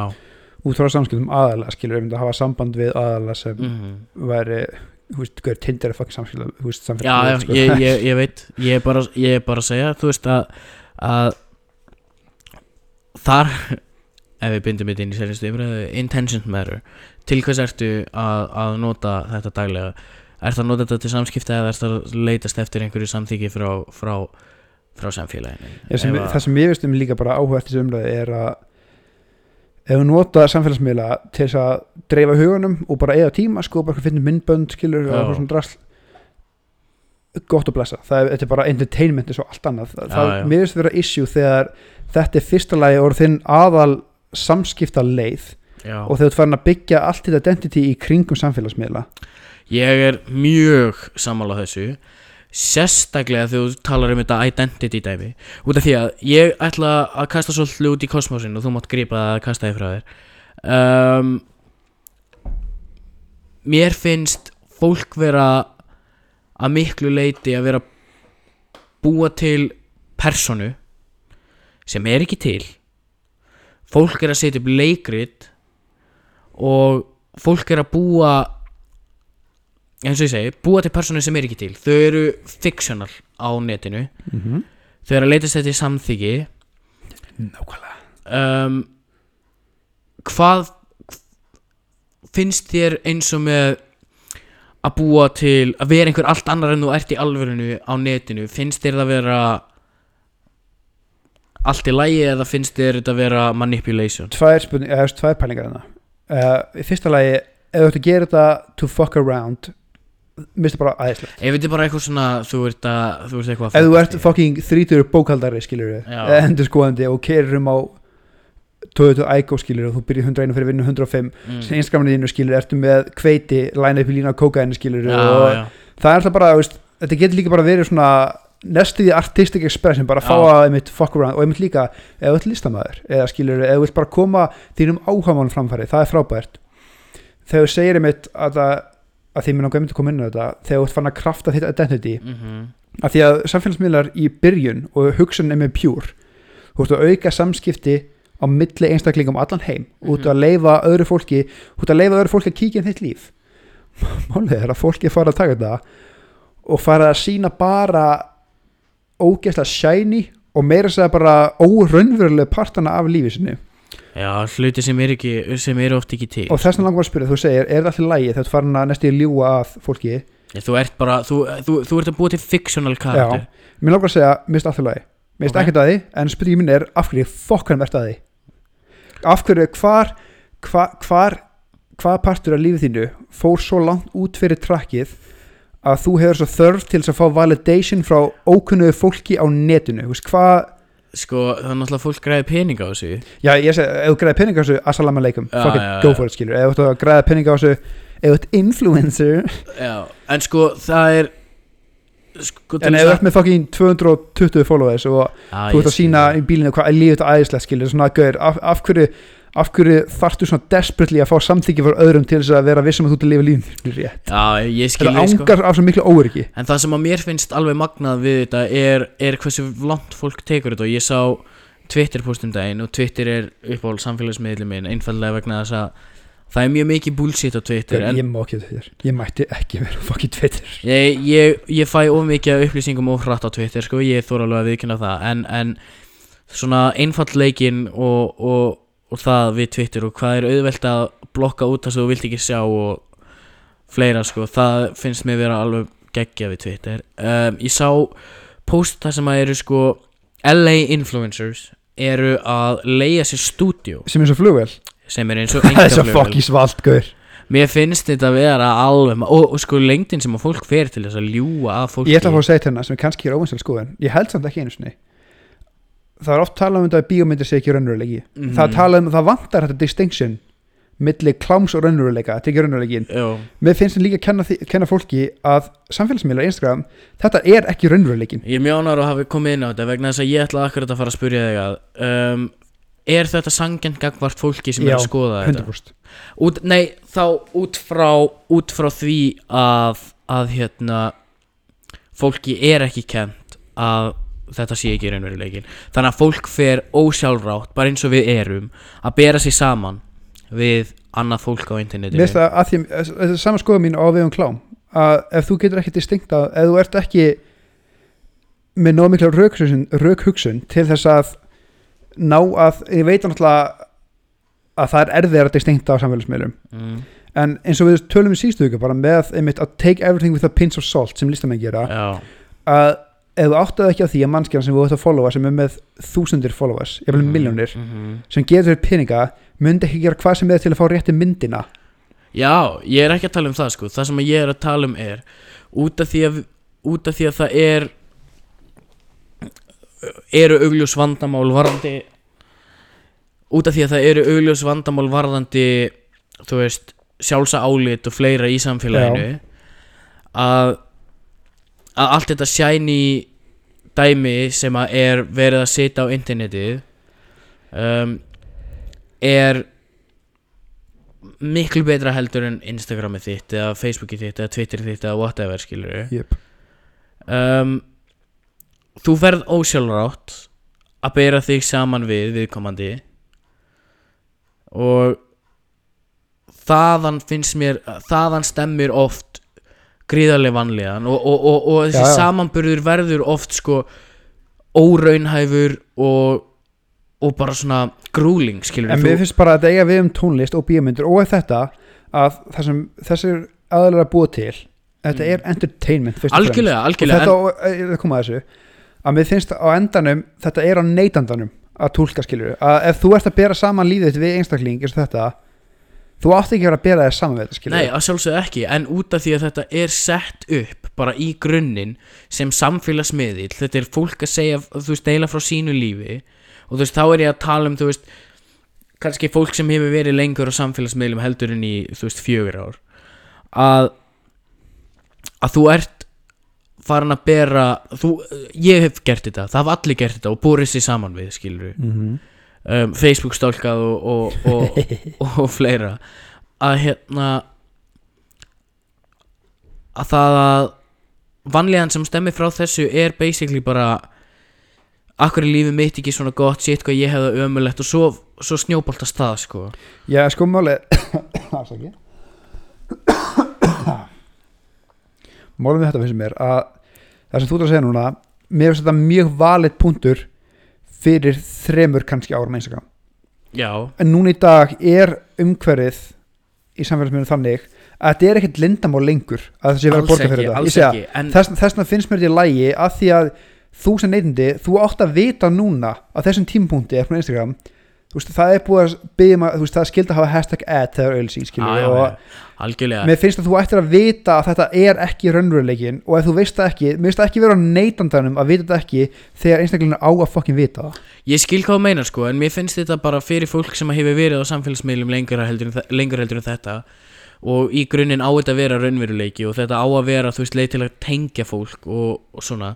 Þú tengir ekkit við þú veist massa gæjan með miljón followerana skilur en sko, ég horf heldur ekki á það og hugsa bara vákvað límið drömm, ég hugsa bara vákvað er næst að vera þessi skilur Nei, já, ég veit það, en, en það er ekki allir sem að geta hugsa svona. Og ofan á það, þá er ekki allir sem að geta hugsa svona gaggrind á, á það sem þau sjá á en er það internetinu. sangjant að kenna framleiðendum Nei, efnisins? alls ekki, ég er ekki að segja það, Nei, ég, það. ég er bara að búa til punta sko. Ég sé það, þú veist, það, mér finnst það að vera á neytuna fyrst og fremst. Algjörlega, en svo er þetta, lí- þú veist, þetta er, þetta er spurning um sjálfsálit og Já, og einmitt sjálfsöryggi kemur aftur að spurningunni af hverju ætti að bera það saman í staðin fyrir að bera það saman við aðra aðalneytinu af hverju þetta því hvað vantar líf þitt sem lætið þú hugsa En það, það, það er ósjálfrátt hjá svo mörgum, Ég veit það. gerir þetta ósjálfrátt sko. þannig að þú veist, það er ekki það er ekki alltaf hægt að segja þú veist, hvað vantar í líf þitt eða hvað er að hjá þér heldur er þetta oft líka bara þú veist eins og ég segi, ósjálfrátt og, og, og viðbröðin eru oft hjá fólki þannig að það sér eitthvað sem að það hefur ekki og það langar í það en það getur ekki fengið það. Þannig að það fer að pæla og, fer bara að líða illa og þú veist, þetta eru náttúruleg mannleg viðbröð bara afbrýðsemi þetta er afbríðsemi Já. sem er, þú veist, eitt af grunnfokking tilfinningunum okkar. En mér finnst það alltaf bara, þegar þú skynir afbrýðsemi þá finnst mér alltaf holdt að spyrja sig ok, af hverju er afbrýðsemur já, en það eru bara ekki allir sem að gera Nei, það og veit það. geta það, ég veit það, en það finnst mér grunnpunkturinn að þó að einhverju geta það ekki mér, veist, til að einmitt, einn keflið, mér finnst ósangjönd að kenna framlendum um þetta að því að þú veist, þegar þú spyrir þig af hverju, hvað vantar í límið þetta er source of self-learning ef þú getur spurt þig af Já, hverju er ég að bera saman við þetta af því eins og núna bara, þú dæmið nærþar mér sýsti mér að köpa mér íbúð, köpa sér íbúð. Og þú líka. Ég líka náttúrulega bing, bing, þú bing, veist bing, bing, bing. Að þú veist, jú, jú, hún kemur sér íbúð.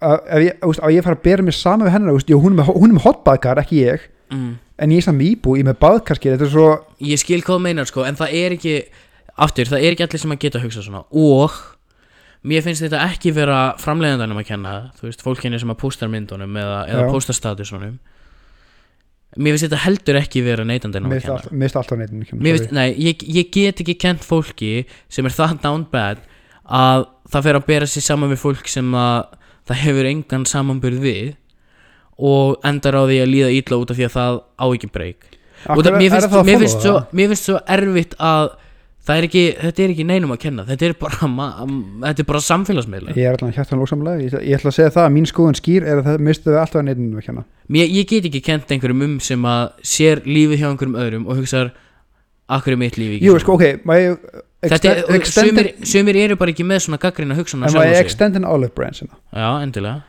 að mér veist ekkert að því að skoða samfélagsmiðlum hjá einhver sem er ríkari og frægari og hugsa vá hvað það er lífið frábært og það væri mjög gaman lífslífi mm.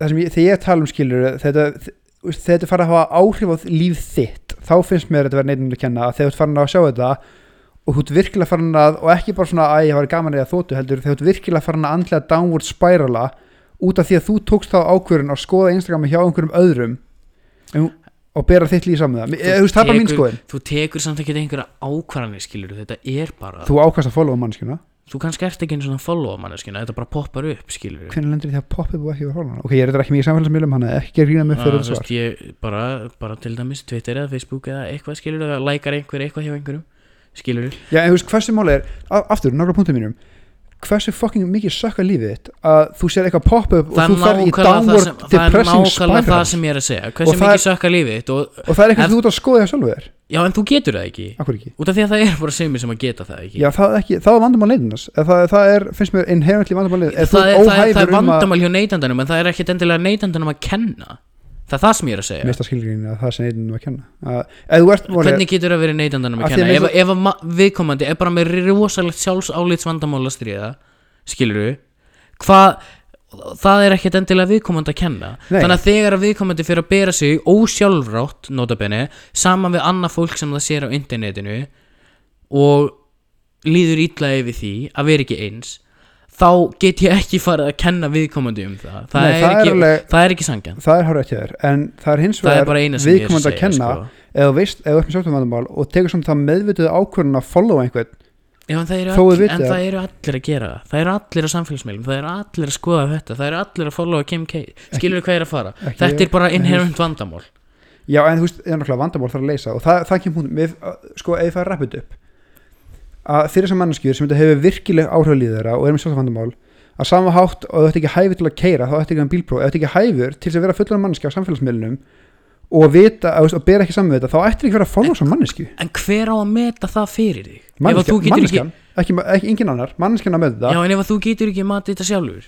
Ef að, ef að Ok, þá er þú- það neittundum að kenna ég get ekki kent einhverjum sem ávið svona mikil vandamál að Nei, stríða það er alveg fair punktur Það er eina sem ég er að segja sko. Já, ég mér finnst það persónulega að ef þú ert með einhver vandamál Það eru bara, Daniel, það eru bara ekki allir sem að geta hugsa svona gaggrind og sjálf sig. Það eru ekki allir sem að geta stoppa sig af.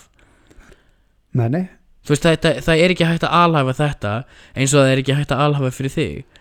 Þannig að þú veist Það er og, Það er oft hægt að segja að þetta sé sjálfu er að kenna ef þú ferði í downward spiral út af einhverju svona. En það er líka, finnst mér, vera engum að kenna og að þú varst bara á vitlisum samfélagsmiðli á vitlisum já, ok, maður þá komið með þetta counterpoint þá?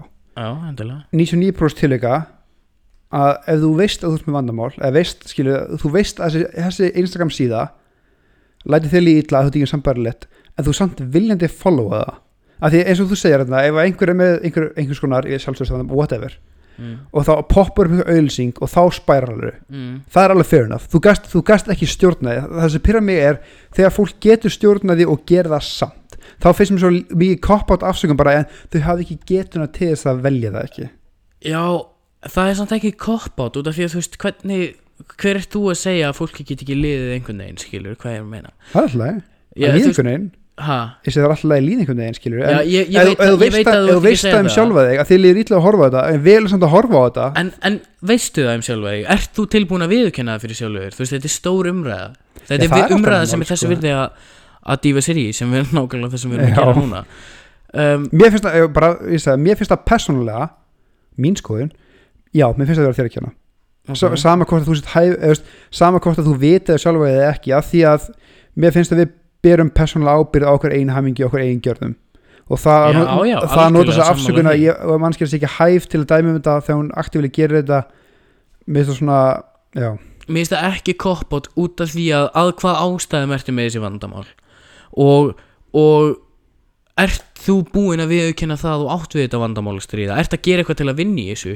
Skilur þú veist þetta er allt eitthvað sem að spilar inn í últimilli andlegu heilsuna Já. þína en ég held nefnilega að sé að því þú segir þetta skilur að þessi hópur sem viljandi basically en ekki ætla bara skada sjálfum sér andlega með Já. því að vita ekki af vandamálinu Mhm. en hversu stór hópur heldur þú að og ég meina ekki í afneitun heldur virkilega viti ekki að því að þessi síðan lætur líðla á followan samt mjög mikið af fólki heldur það? Já, út, af, út af því að út af því að ég held að fólk ósjálfrætt eins og ég hef búin að segja margóft beri sér saman og svona subconsciously beri sér saman við fólk, annað ég, fólk. ég held að sé óhugnarlega stór hópur af fólki og þetta mun hljóma fucking hræðilega og ég veit að þú ert ekki að fara sam sammála mér á þessu. Ok, en einst inni afneita því að það er vandamál að stríða og næstu því langar að liða svona. Af því að þetta er ákveðið identifier á þeirra þarna, ég, bara social identity. Sk- já, ok. Skilur hvert er að fara með ég þetta? skil hvort að fara með þetta. Ég held að þetta sé óhugnarlega stór hópur sem veit einst inni að þeim, þetta, þeim, þetta lætið þeim ekki líða betur og skoða einskar með Chris Pratt og sjá hann er fucking massaði skilja, ég tök bara nær þetta með eitthvað. En samt followar hann áfram að því að einhvers konar fucked up hugsun skilur læt þetta er, þetta er svona sadistic von að kannski einn daginn magically verður þau þau skilur í staðin fyrir að taka sem er ógæslega stóra erfið ákvörun en bara ég ætla að hætta að followa þetta skilur af því að á sama hátt og á- af því að ég held að sé miklu flóknar en bara líði illa vel. Ég held að sé svona að hluta til líði vel af því að þetta býð til einhverja von. Kannski Mm. einn daginn verð ég svona. En svo miklu meira crushing reality er ég verð aldrei svona og þaðan kemur depressioni þaðan kemur depressinu og þaðan kemur líka sko, og það er hægt að taka því á tvo vegu. Já, ég verð aldrei svona ok, I'm fine with it, skiluru hann er bara hann. Eða ég verð aldrei svona, af hverju verð ég aldrei svona? Ég er fokkin ömulur og og og ég get samt ekki ít og unfollow þetta með að Jurassic World geggjum minn skiluru, skiluru hvað ég er að fara? Ég, þannig, ég að, þú, skilja ekki það já. þannig að þú veist þetta er ég held að sem bara aðeins inherently ósamála um hvernig hvar er hann gæsla hvar þú dregur línuna já. já, út af því að það er Því, mér- ég, ég held að þú vit, vitur sjálfa þig að því líður illa þessu en heldur áfram að gera þetta þá áttu, já ég, mínum að þið fucking hálfviti ég bara sem manneski sem hefur átt við sjálfsálits vandamál að stríða og hef gengið í gegnum þennan ekki þennan spærar heldur meira svona gengið í gegnum það kannski að vera að followa fólk sem ég veit, veit að ég ætti ekki að vera að followa eða hefði ekki átt að vera að followa ég er búin að unfollowa það allt núna skilur Já. en það tók líka bara tíma fyrir mig að sætta mig við það já, að ég ætti við þetta vandamál að stríða. Og þú veist þetta er ekkert risa vandamál ekki lengur. En það sem að var að stríða mér svo rosalega mikið í þessu var að ég var aðdáandi eða eitthvað skiluru og vildi ekki viðurkenna fyrir sjálfu mér að það að ég væri aðdáandi væri ekki nóg reason til þess að halda áfram að followa út af því að ég ósjálfrátt var að bera mig saman við eða ekki þetta endilega að bera mig saman við heldur kannski að byggja upp einhverja falskar vonir eða eitthvað skilu ég veit ekki ennþá alveg hvað það var en þess vegna kannski er ég búinn að tala svolítið vítt um þetta út af því að veist, ég get ekki pinpointa hvað þetta var hjá sjálfur mér persónulega um, en ég get hins vegar pinpointa tíman sem ég ákvaða no more. Já það, ég held það sé úslega mikil að því ég það kemur alltaf, mér finnst þessi umræði alltaf enda saman punktum þegar ég byrja þarna af hverju ég held, að mér finnst persónulega að ef þú ert sama hvað efnið er, hvað sem það eru píslar og vísir, koma því eftir smá eða TikTok eða Facebook eða Instagram whatever ef þú ert að sjá eitthvað efni og það virkilega hefur áhrif á lífið þitt mm. einhver lát og þú heldur að áfram að fylgjast með því þá myndi ég spyrja mér spurninga. Af hverju er ég ennþá að skoða þetta? En það tók sama hvað svarið er, en byrja að það sem skrifið að spyrja þig af hverju er en það tók mig til dæmis tíma að fara að spurja mig að já, ég segi, þetta er ekki erfitt, þetta er ekki auðvelt skref þetta er Nei. mjög erfitt ferli, en mér finnst þetta svo nöðsynlega ferli af því að samfélagsmiðla geta haft svo brútal áhrif á sitt eigi sjálfs álit skilur Já, og, og held- þitt, þína á, þitt álit á lífið. Ég held líka að þetta sé sko spurningu um að viðkenna fyrir sjálfu sér að veist að vera ekki í afneitun Já. skilur það er rosalega stórt skref í þessu öllu saman sem að ég held að var svolítið stærsta skrefið sem að ég þurfti að taka í þessu öllu saman um, en ég held að þetta sé svona fín fín punktur til að enda þessa umröðu á mér langar aðeins að koma inn á áreitið sem að Guð ég sem að sko. ég held persónulega að hafi meiri áhrif á andlega heilsu sérstaklega yngri kynsluðarinnar Guð minn, guð sko, ég er alltaf, ég ætla að taka það fyrir núna. Eða bara er, okkar kynsluðar ég er á mjög fánsamfélagsmiðlum ég skoði Instagram á svona fjara dagar fresti kannski. Já, ég er á appi sem er basically nængag fyrir rasista, eða hann hlunskilinn iPhone-i. En það er bara því að veist, það er ógeðslega glatar húmor og það næslur já, þetta er mjög frowned upon meme síða en ég elska hana. Já, en, og síðan alltaf er ég með Snapchat og Messenger fyrir samskipti við ákveðin aðala já, það er, that's fucking it já. og ég satt á þér ég mér er aldrei líka vel og þegar ég er aldrei að samfélagsmiðlum að þegar ég veit ekki hvað er að gerast þegar ég er ekki involverið í þessum mínu dramaköstum sem eru út um alla miðla og allstæðar Mhm. þegar ég er algjörlega, ég fann að skilja þetta orðtöldi ignorance is bliss, því að Já. mér er svo alveg sama, Guð, heyrður um manneski A, hvað hann sagði manneski B og þannig gerir manneski, nei, mér er svo slett sama og það er geggjað. Ég nefnilega held að sko áreiti sem að stafar af þessu öllu saman bara, bara notification í símaðin skilur og allt Ég- þetta drast. Og ég bæði líka allt með síminu og dúndu störp uh, ég líka, hann er að do not disturb right me out. Um, þetta áreiti hefur miklu meiri svona subconscious áhrif á þig heldur en þú kannski átta þig á. Miklu verið, út af því að þetta er svona konstant bombardment af tilkynningum og víbringum og símringingum eða þú veist og SMS-tónum og, drastli snildi, snildi við þetta er einmitt og ef þú opnar þetta ekki þá líður svo að mista einhverju. Já, þannig að þú býr til vítarhing þú þú býr til addiction vítarhing yep, á samfélagsmiðla. Yep. og þú veist og partur af þessu eru finnst mér persónulega vera ó, ég er ekki með þetta marga followera akkur er ég ekki með Já. þetta mörg like á myndina mína akkur er ég ekki og það er, mér finnst það eiga heima í báðum umræðinum sem við erum búin að taka skilur uh, bæði með þetta að bera saman og þessu, já, Og þessu. er að þeg, þegar þú postar mynd á Instagram til dæmis og Instagram eiga rosalega mikið lof uh, skilið fyrir þeirra átaka á notifications. Það er allavega svoleiðis á mér. Ef ég posta mynd á Instagram þá fæ ég notification fyrir þú veist fyrstu fimm like-in eða eitthvað. Já. svo hætta notificationin bara Jöp. alveg. Um, sem, er, sem er fínt. Það sem að ég hef tekið eftir og ég ger þetta ekki en ef að fólk í kringum mig er að posta myndum á Instagram það er alltaf að tjekka hvað er ég komið með mörgleik Jep. er einhver búinn að kommenta er einhver búinn að senda mér skilabóð og um leiðin kommentar svaraði strax skilur, Já. það er bara alltaf og ég mynd, ég hvet, ef það er einhver mannski að hlusta á þetta sem kannski finnst eitthvað þessum þessar orðaræði eiga við um þau mm. það finnst þau að pína háði, ég tók svo umröðið bróðum um daginn sko, en við daginn held ég daga ekki að sko. Að ég mitt, prófaði bara að sleppa því að svara í, byrja bara 5 klukkutíma. Bara, eða postar mynd myndinni á lögðskvöldi já, svara daginn eftir, mun þið mun líða mjög ónáttúrulega með það. Mm. en það er búið að búa til einhvers svona hraðbraut fyrir samskipti mitti allra og þú veist það búist við að þú svari strax og lækir strax. Þetta, lík, þetta, á líka, þetta á líka við í sko, dating heiminum og öllu já, því, ég sé bara öllum þessum miðlum í dag skilur og bara það að stíga út úr þessari lúpu svo lengi, bara einn dag þá fattar ykkur svo úslega peaceful það er.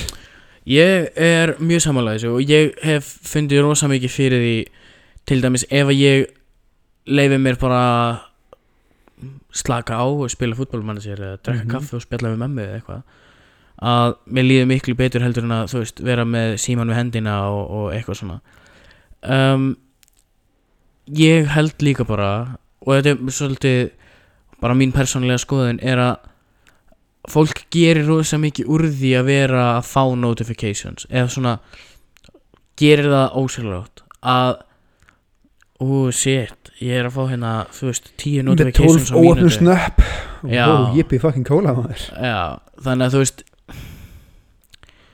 áreitið og þú veist, þetta er ég þurfa að veðja. Ég sko ég skoðaði þetta aðeins á netinu gerði smá research.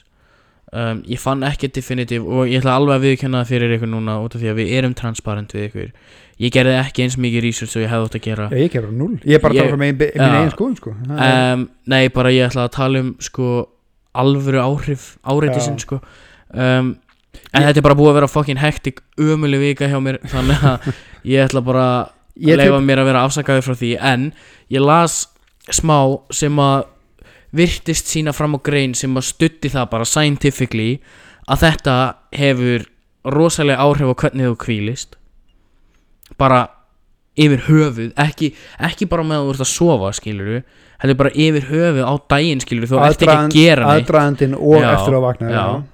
að þú kvílist ekki jafnvel þú ert alltaf að búast við einhverju þannig þú ert alltaf on alert Mhm. sem að þreytir þig rosalega þú veist og svo er það líka bara heiliðinn þegar þú ert að fá allir þessi notifications og öll þessi skilabóð og ert að lesa all, allar þessar upplýsingar. Hann fer bara í overdrive og þú ert að taka móti svo mikið af upplýsingum á svo óbúslega stuttum tíma að það þreytir þig líka. Ég er tilbúin að setja bara góða gameflösku í veðumál upp á það að þessi einhvers konar rannsóknir sem sína fram á bara innvörs fylgni millir þess skiluru að því meiri tímum sem að eyður á samfélagsmiðlum því verður líður en lífi skiluru það og, er og, og til að bæta ofan á það ég þóri líka að veðja að ef þú myndir setja þetta upp í graf bara að því mun fleiri klukkustundum sem þú eigðir á samfélagsmiðlu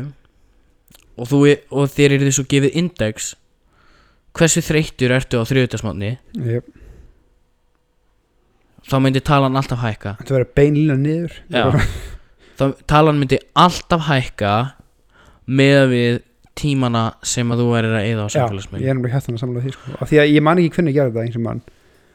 Að, þú veist, bara, því ég var þessi gæði, ég var alltaf með síman á mér ég var alltaf opnum að kíkja upp á fucking notification. Já, bara prófaðu að slökka þess að þú undurstað bara stöða síman frá þér í þrjá klukkusíma og uppliðu kvíðakastið sem þú færð skilur að því að þú ert alltaf bara er einhver maður að leika, einhver maður ringi, einhver maður mhm, það skiptir ekki, þrýr klukkusíma skipta engu fokkin máli, ég man ekki hvernig ég gerði þetta einhvern tíma setti síman í skólanum á dundustörf og ég kveikti aldrei aftur á tilkynningu ég bara, ég hætti þessu. Ég hætti að nenna sem stöðugum fokkin titringum og drasli.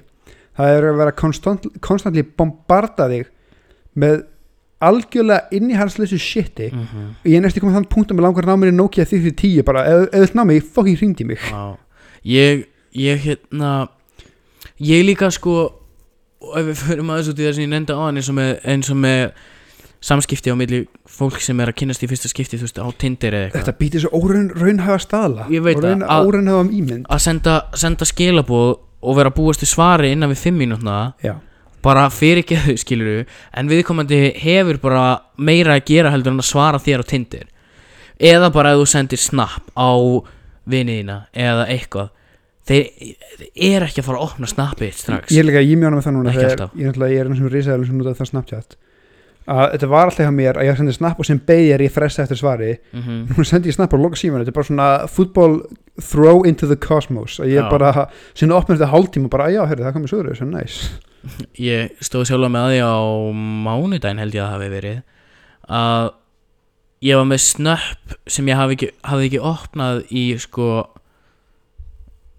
16 klukkutíma eða eitthvað ég skilurðu. hef búið að búa til þennan staðal að þú þurfur að svara strax annars Mm. þetta ekki sína áhuga eða þú vilt ekki Mm. svara, nei, ég var bara óvægt fokkin upptekin Ég held nefnilega að ég ætlaði akkurat að segja þetta eins og með bara Tinder og, og, og, og það þó að manneskjan svarið er ekki strax þýðir ekki að hún hafi ekki áhuga og það að ég svari ekki strax þýðir ekki að ég hafi ekki áhuga það þýðir bara það að ég hef betra að gera heldur en að vera að hangi símanum mínum allan fucking daginn. Og því við erum að tala um time management því að við erum bindin í andlega að ástæðan fyrir því ég er ekki á TikTok er 60% út af upplýsingu örygstæminum í Kína. Mm. 40% af því að ég er mjög skoðanagjörn mannskja Ó, já.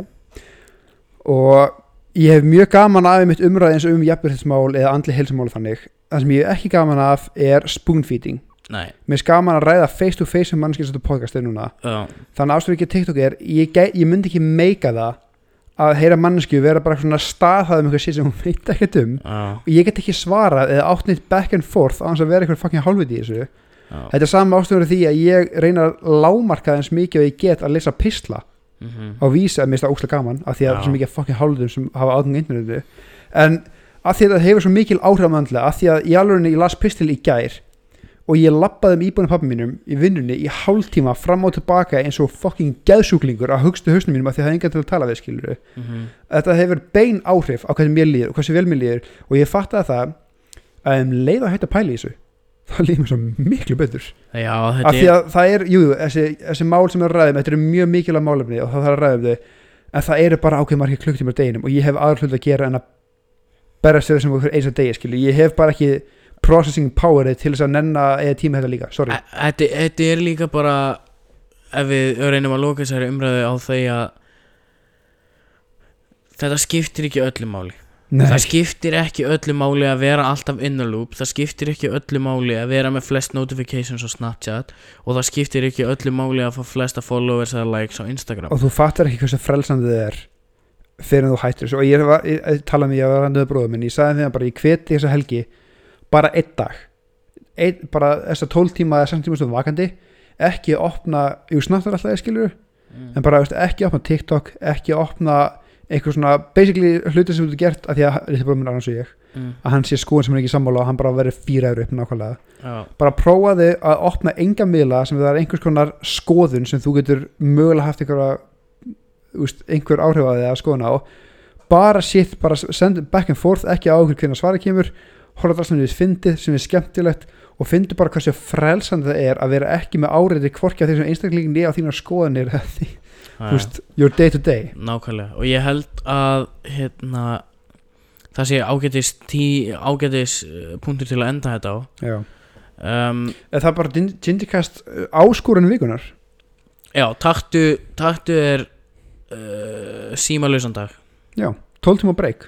12 tíma breyk frá endalausu áreiti frá frá símaníðinum taktu breyk, fá þig kaffibólla spjallaði við manneskinu við hliðina þér og, og hérna eða ekki einu sinni bara þetta þarf ekki að vera breyk frá farsímuna tölvunni, bara frá samfélagsmiðlum Já. skilur við, um, Já, ég meina, ringdu og, og allt skilur við verður já, eða horfa myndbandi horfa mynda, Já. whatever, skilur það alltaf en bara reynda að taka frí frá áreitinu um, Já, ég held að það sé svona allt sem við höfum um þetta að segja í augnablikinu. Við getum tekið svona, já, 17 þætti viðbútt um hvern einasta og lið. dýft okkur alveg mjög djúpt í alla liðina sem við, við tókum í dag og, og, og það kemur kannski einhvern tímann að því. Um, bara svona til að enda þetta á, á aðeins léttari nótum ég skipti um strengi í ramaskýtanum mínum í ger það er það erfiðasta sem ég hef gert varðandi gítar eða hljóðfæri á ævi minni. Og þetta er svona, þetta er svona með, hann er með gamaldags þú veist haus. Þannig að þú veist það er svona stilli gítari en túnirarnir eru gamaldags. Þannig að þú veist það er ekkert sem ég get þrætt strengin í gegnum og festan þannig ég var að halda á tveimur stöðum á strengnum og snúa upp á og einhvern veginn reyna að og það var svo oft sem að ég fekk strengina bara í smettið eða eitthvað þar sem ég misti þá ég var að verða geðveikur og tók mig svo fokkin langan tíma það tók mig tvo og hálfan tíma ég hef sett strengi á öruglega sko hundruðu skipta á gítara. Ú, sjá mig, ég er tónlistamæður það tók mig tvo og hálfan tíma í gær. Þetta er eitthvað sem á að taka korter max. Þetta er, ég alveg trúið sér brútal sko. Og hérna svo loksins var að koma maður og ég var að stilla gítarinn upp og, og allt og þá fattaði ég sko, ég keipti tvö setta strengjum og einn aðri strenginu voru bara svona tilraun sem ég ætlaði kannski að prófa einhvern tíman svona þykkari strengir örgulega aldrei hafa verið svona setti svona þykkir strengir á þennan gítar sko. Svo var ég að túna efsta strengin og ég fann bara gítarinn tensiona sko. Ég er bara fokk, hann er að fara að brotna sko og tóka aðeins í ok, losa aðeins um. Svo áfram aftur og fann það aftur og ég bara svona ok. Fokk, ég er að fara að brjóta fokkin elsku gítarinn minn, mér þykir svo væntum en ég ætla ekki að fokkin brjóta hann. Þannig ég held áfram eitthvað að reyna að fiffa. Ég fokkaði svolítið upp. Hvað gerur þau Stefán? Ég uh, gæti hafa Keftur þau strengi ukulele? Nei, ég gæti hafa verið uh, ekki með gítarinn Nei, strengin og langt inn öðrum megin. Þannig að hann var, þú veist, hann átti meira eftir þannig að hann þurfti ekki að vera svona strektur þannig ég var að panika ástæðu lausu loksins þegar ég var komið með alla strengina í. Og Æ, fokk, ég getur feilustur ekki Hvað er það? shit, sko, getur þú ímyndað þér? Nei, ég get hann ekki af Því ég er með tónlistahefni og borðu döðan kött. Þú getur spilað á piano, Nei, ég spilað tvö lög? Ég spilað þú getur líka spilað West, Og Westworld tími, það er einn sem ég kann á píano já, tvö lög. Það er meira heldur en Ég segi margir að borðu döðan kött. Þannig að hendur kæta píano þá líklega spila hann eitthvað. Ekki, Eh. Það styttist í þá 15 shit, já, það var ekki ekki. Jólaþátturinn, held ég. Við erum í vílum mörgli þáttu 14 hver gesturinn er. Já, við gerum það. Um, Mér lókar að fá okkur TikTok prestin á, í þáttulegar Já, sendur hann skilabóð, þú þekkir hann. Um, Plata vikunar Fokk maður, hvað hugstu það? Uh, Byrjað þú? Um, ég, ég þarf eiginlega að henda þungarokk í liði Alright, let's go. Það er komin tími á þungarokk Ég ætla ekki að fara alla leið strax. Eða ég að fara alla leið? Já, já, fuck it, do it. Uh, Ashes of the Wake með Lamb of God Og nei, Lamb of God er ekki Christian metal. Það er það alls ekki. Ashes of the Wake með Lamb of God. Ok, ég er með eitthvað uppistand sem að fólk hefur að horfa á? Ú, herðu, hold up uh, Ég man ekki hvað nákvæmlega býttir Ég ætla að googla hvað platan heitir. Fyrst þú myndir á þetta. Þá maður sjá. Talandi um tilkynninga Þá er samfélagsmyndinir að búma hjá mér ég Ú, vinsæl, vinsæl, vinsæl um, Á meðan að þú ert að googla þá ætla ég að segja Ef þú vilt eitthvað aðeins meira mello hlusta þá Core með Stone Temple plata Pilots. vikunar er People Pleaser með mínum nafna og geggjum umstæðar Daniel Tosh. Það er Daniel á T-O-S-H og platan heitir People Pleaser. Plötuna mínar eru Fyrst að þú ert ekki með tónlist Ashes of the Wake með Lamb of God og Core með Stone Temple Pilots.